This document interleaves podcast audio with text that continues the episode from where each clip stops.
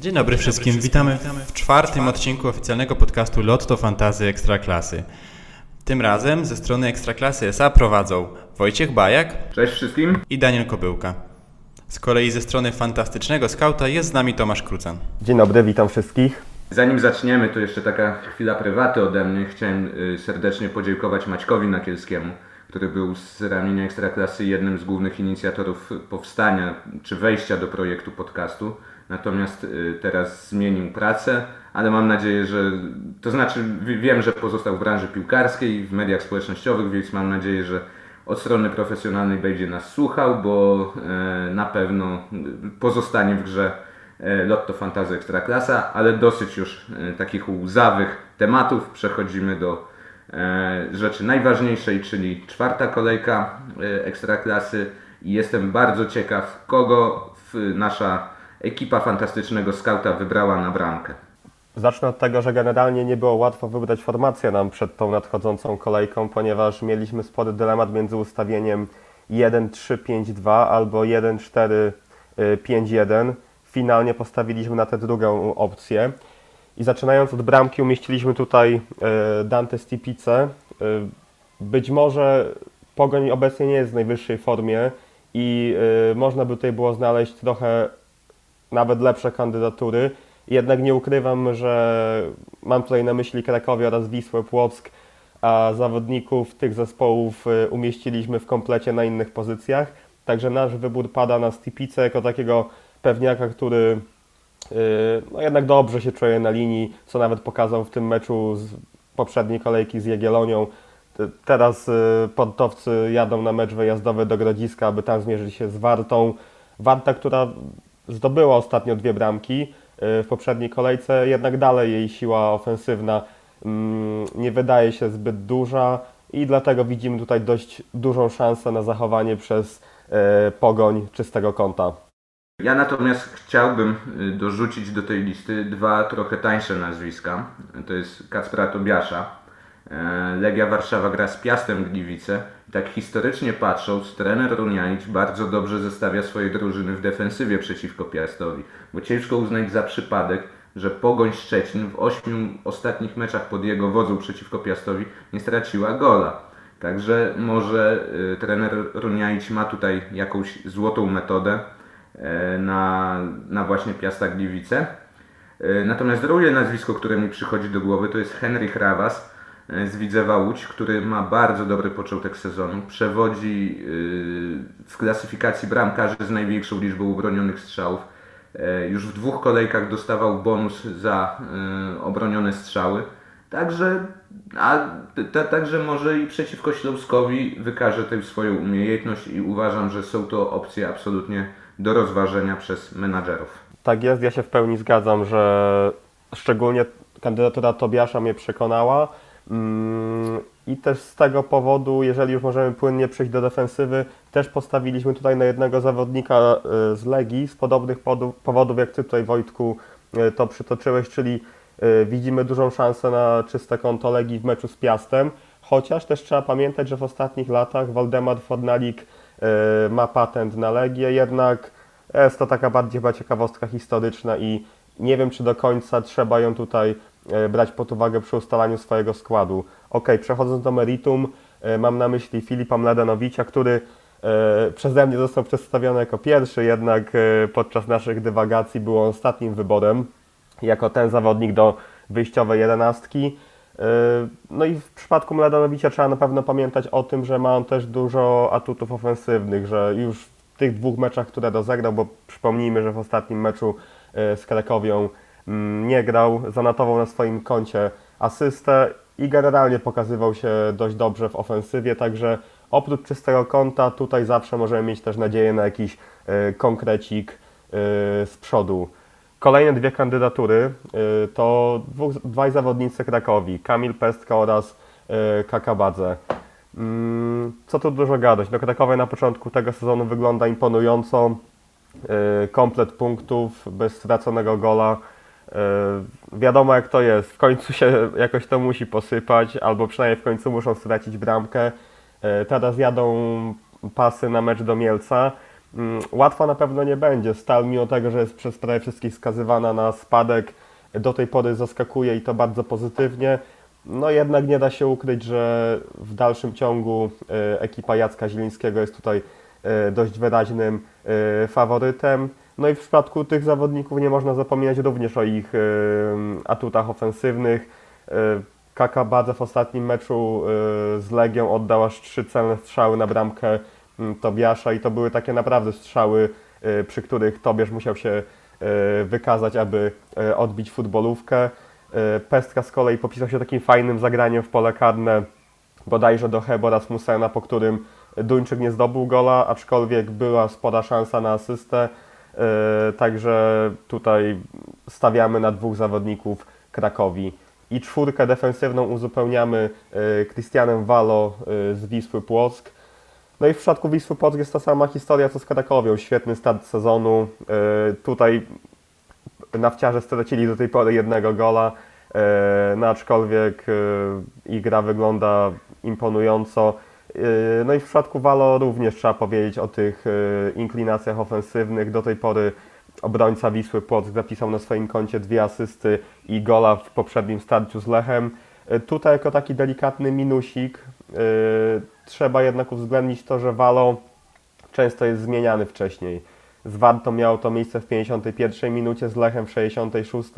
Także ewentualnie decydując się na tego zawodnika, trzeba gdzieś to mieć z tyłu głowy, że jakieś tam punkty mogą jednak e, przejść, e, po prostu może Walo nie zapisze w swoim koncie pełnych punktów za ewentualne czyste konto Wisły Płock. No i jeszcze tutaj w kontekście nawciarzy e, jeden argument e, z kolei za rywal, Miedź Legnica. Miałem tę przyjemność oglądać mecz e, Miedzianki z Wartą i jak mam być szczery, mnie zupełnie nie przekonali. Grali bardzo wolno, ok, utrzymywali się długo w posiadaniu futbolówki, jednak wymieniali bardzo wolno te podania. I w mojej ocenie, jeżeli tutaj Wojciech Łobodziński nie wprowadzi pewnych zmian w grze swojego zespołu, e, no może być im ciężko w skali całego sezonu. Co powiecie na dwa nazwiska, Abramowicz i Tudor? W tej chwili obaj mm, są w posiadaniu 27% e, trenerów. Jak, jak widzicie ich sytuację przed czwartą kolejką? Może zacznę od tego, y, od Dawida Abramowicza. Y, Problem jest taki, że o ile Miedź Legnica wypadła nieprzekonująco y, w poprzedniej kolejce, to Radomiak w starciu z Górnikiem Zabrze wypadł naprawdę źle. I to jest coś, co ciągnie się za coś, co ciągnie się za Radomiakiem już naprawdę od dłuższego czasu, bo on ma bodajże jedną wygraną w 12 ostatnich meczach Ekstraklasy. E, W tym sezonie gole dla niego strzelał tylko Dawid Abramowicz. Z 15 ostatnich goli 9 jest y, dla Radomiaka, 9 jest Karola Angielskiego, który jest już nieobecny w składzie, a 5 Dawida Abramowicza. I pytanie, czy drużyna będzie w stanie pociągnąć na, na tej taktyce, będzie w stanie od, odnieść zwycięstwo. Natomiast Tudor jest wybór bezpieczniejszy, tak uważam, dla, dla menadżerów. E, Fakt faktem, że Kraków jedzie, yy, no ma starcie z Zabrze, który nie jest wygodnym przeciwnikiem, ale Fran, Fran Tudor też ma inklinację do, do gry ofensywnej, notuje gole, asysty, e, a przy, czym, a przy tym Raków Częstochowa jest lepszym kandydatem do zachowania czystego konta niż Radomiak Radom. Ja jeszcze chciałem wrócić do wywodów Tomka i zatrzymać się przy jednym nazwisku, przy Otarze Kakabadze. E, Jeśli Krakowia e, zachowa czyste konto, to będzie pierwszą drużyną od Śląska Wrocław 2016-17, która w pierwszych czterech kolejkach nie straciłaby gola. I to jest na pewno na plus dla Kakabadze. E, Minus jest taki, że jest w tym momencie zawodnikiem, który oddał najwięcej celnych strzałów, y, nie, nie strzelając żadnego gola. On ma w ogóle 5 strzałów, z czego 4 są celne i z tego jeszcze nie powstał żaden gol. To świadczy to o tym, że potrafi się znaleźć w sytuacji i jednocześnie o tym, że, że nie potrafi strzeli, wstrzelić się w te kilka centymetrów, żeby e, ta piłka powędrowała w sieci. I dlatego jest to wybór, który może, ale nie musi odpalić, tak uważam. Ja jeszcze dodam od siebie dwa słowa na temat Abramowicza. Yy, Zgadzam się z tym, co Wojtku powiedziałeś mm, na temat tego, że Radomiak zdecydowanie nie przekonuje. I że Abramowicz jest taką e, chyba najjaśniejszą postacią, chyba zdecydowanie najjaśniejszą postacią na początku sezonu w zespole Lewandowskiego. Mm, I w poprzednim meczu, który Radomiak e, przegrał z Gudnikiem, e, Abramowicz też miał swoje okazje. Oddał takie dwa groźne strzały, z czego mm, po jednym z nich futbolówka trafiła w poprzeczkę, także mm, w przypadku Abramowicza do końca też bym się właśnie nie kierował formą całościowo Radomiaka, tylko bezpośrednio e, formą tego jednego zawodnika, e, która na początku sezonu jest jednak e, dość wysoka.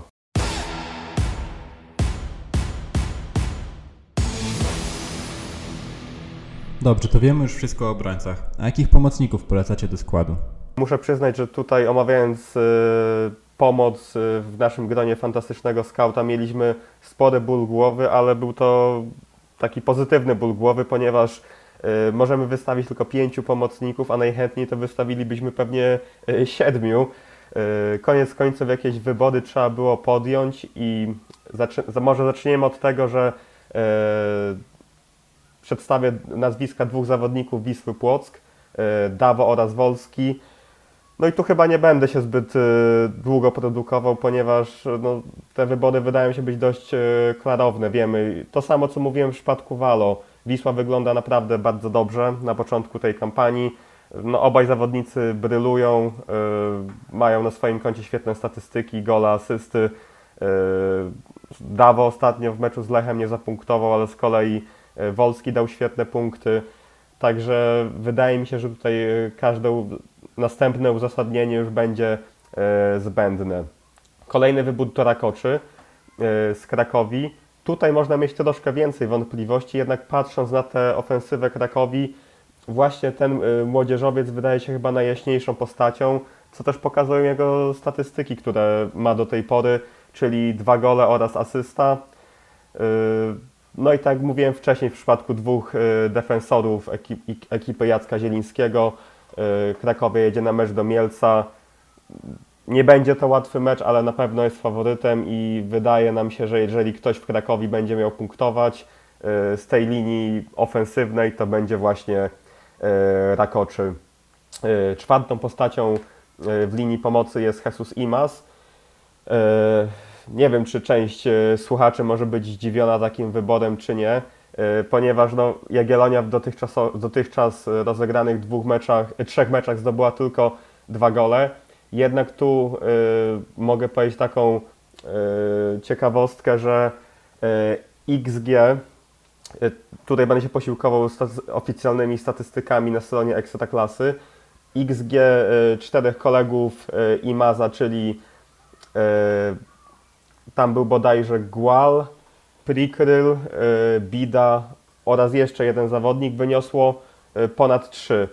Y, przy wielu tych y, ewentualnych golach asystentem byłby Imas, także w przypadku Jagiellonii te bramki naprawdę y, wiszą w powietrzu, tylko brakuje dobrej finalizacji. Tak samo takie, takie, takie same spostrzeżenie miałem oglądając mecz Pogoni z Jagiellonią, gdzie Jaga naprawdę zasłużyła chociaż na jednego gola, no ale mając tak fatalną finalizację, no po prostu piłka nie chciała wpaść do siatki a sam Imas, co warto dodać, nawet w meczu y, z sportowcami zdobył gola, ale znalazł się na niewielkim spalonym.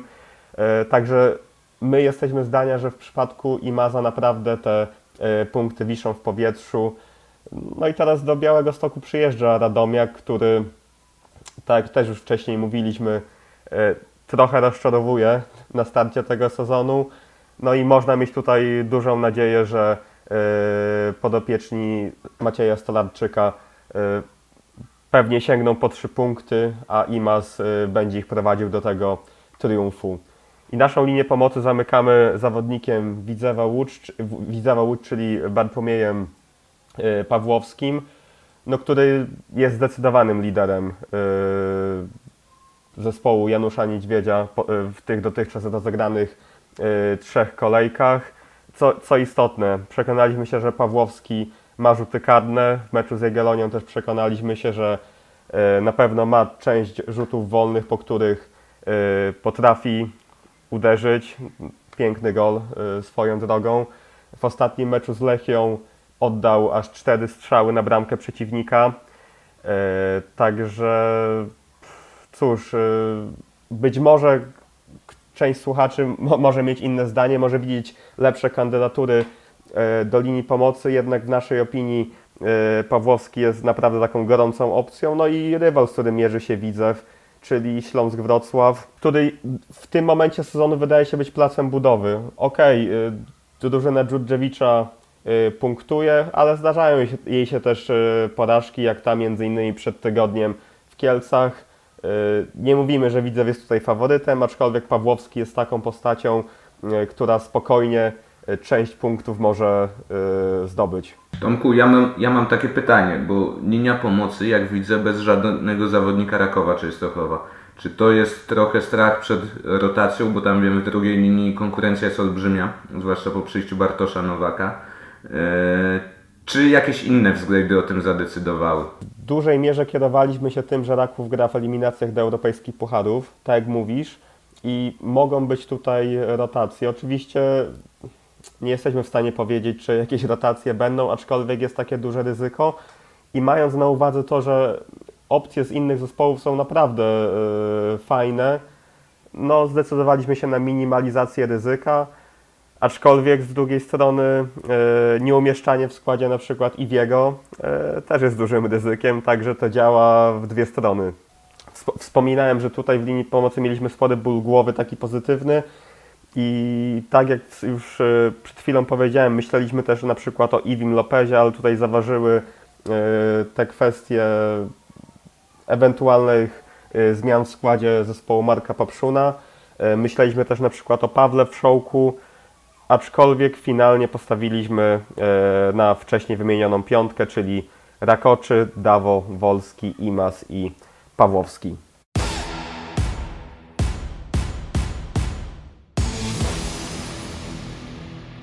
Przejdźmy zatem do napastników.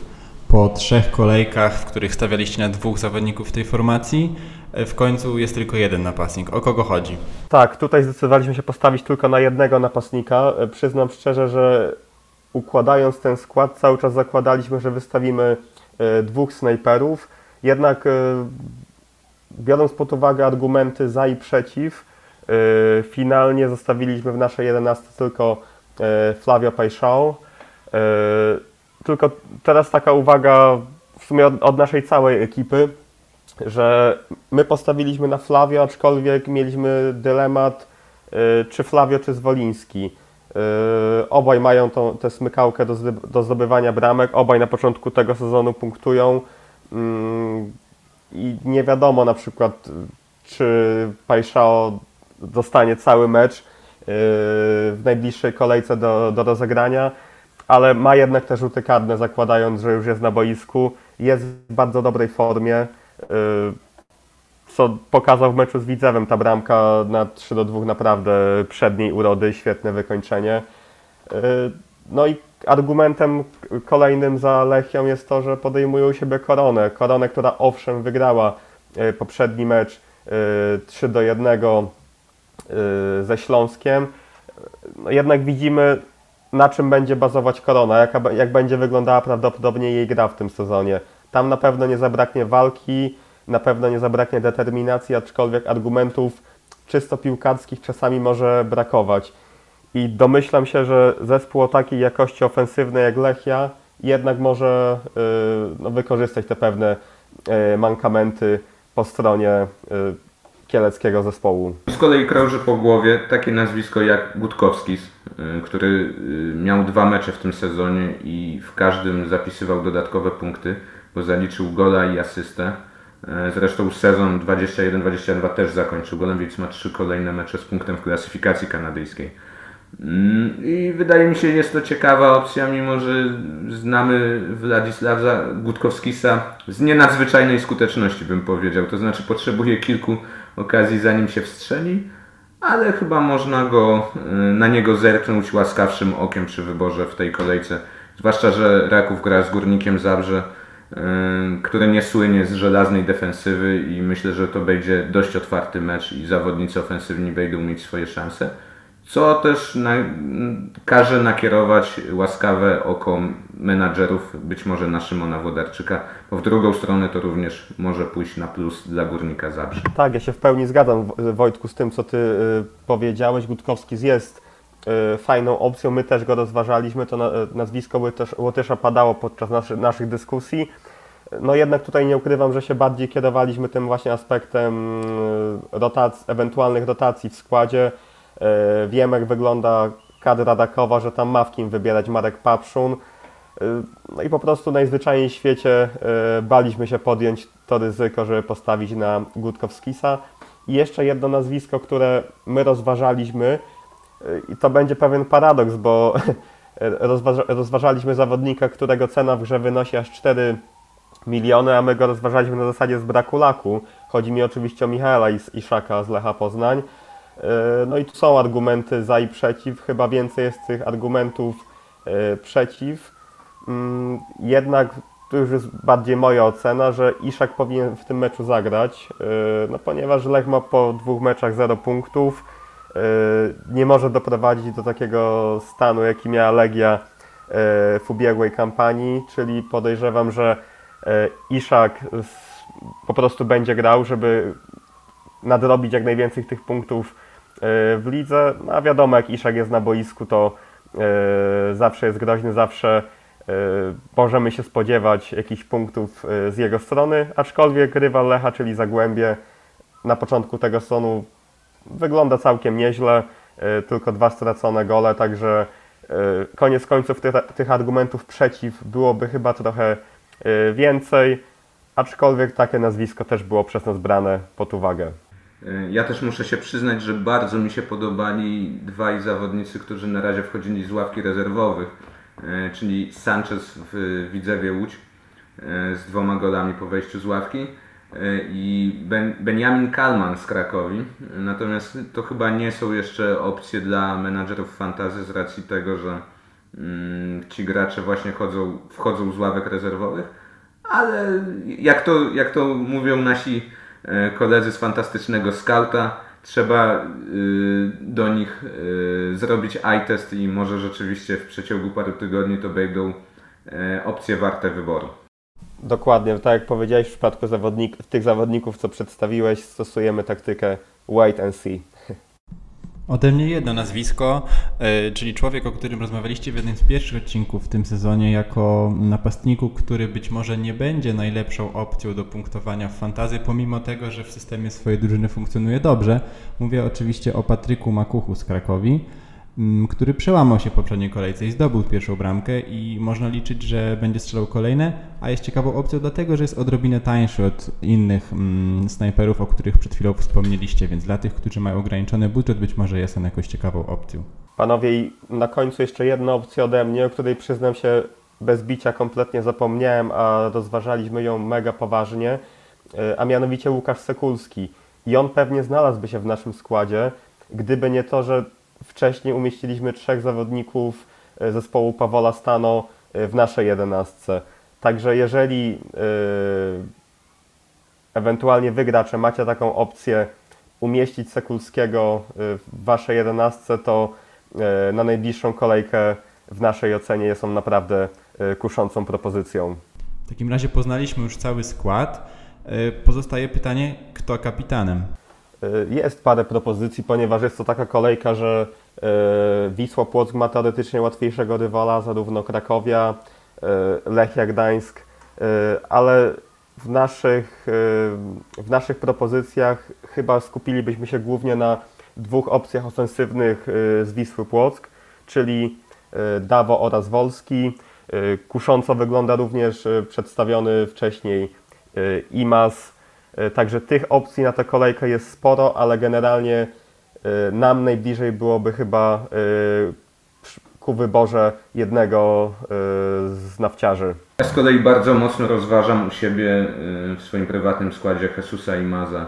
Y, Z tych powodów, o których powiedzieliśmy przy wyborze, y, o których Tomek właściwie powiedział przy wyborze linii pomocy. Y, Zawodnik, który rokuje duże szanse na dodatkowe punkty. Także zobaczymy. Z kolei w moim prywatnym składzie będzie to Łukasz Sekulski, jako że muszę trochę w lidze prywatnej nadgonić kolegów, więc muszę się zdecydować na jakiś mniej oczywisty wybór.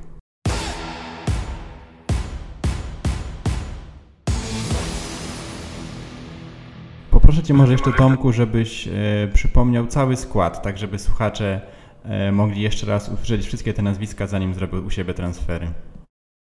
Jasne, a więc nasza formacja to będzie 1-4-5-1. Zaczynamy od y, stipicy między słupkami. W defensywie dwóch zawodników Krakowi, czyli Pestka, Kakabadze. Y, następnie Mladenowicz oraz Walo. Y, w linii pomocy Rakoczy, Dawo, Wolski, Imas oraz Pawłowski. I nasz skład zamykamy jednym napastnikiem, czyli Flavio Pajszao. Dziękuję. Wojtek, czy jeszcze jakieś słowo podsumowania, może otuchy przed czwartą kolejką?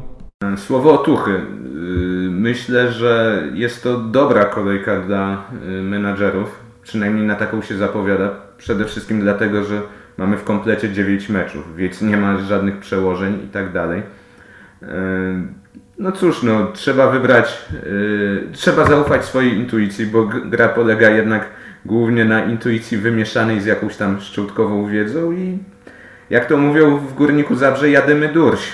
Ja jeszcze chciałem pozdrowić e, całą ekipę fantastycznego skauta i e, sporą jej część, która przybywa obecnie na wakacjach. Mam nadzieję, że słuchając tego podcastu podczas wypoczynku nie będą się łapać za głowę, e, słuchając tego, co tutaj powiedziałem.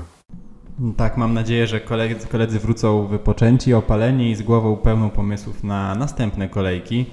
Y, Na dziś już to wszystko. Dziękujemy. Ze strony Ekstraklasy prowadzili Wojciech Bajak Dzięki serdeczne, do usłyszenia. i Daniel Kobyłka, a reprezentantem fantastycznego, fantastycznego skauta był Tomasz Krucen. Dziękuję bardzo. Do usłyszenia. Cześć.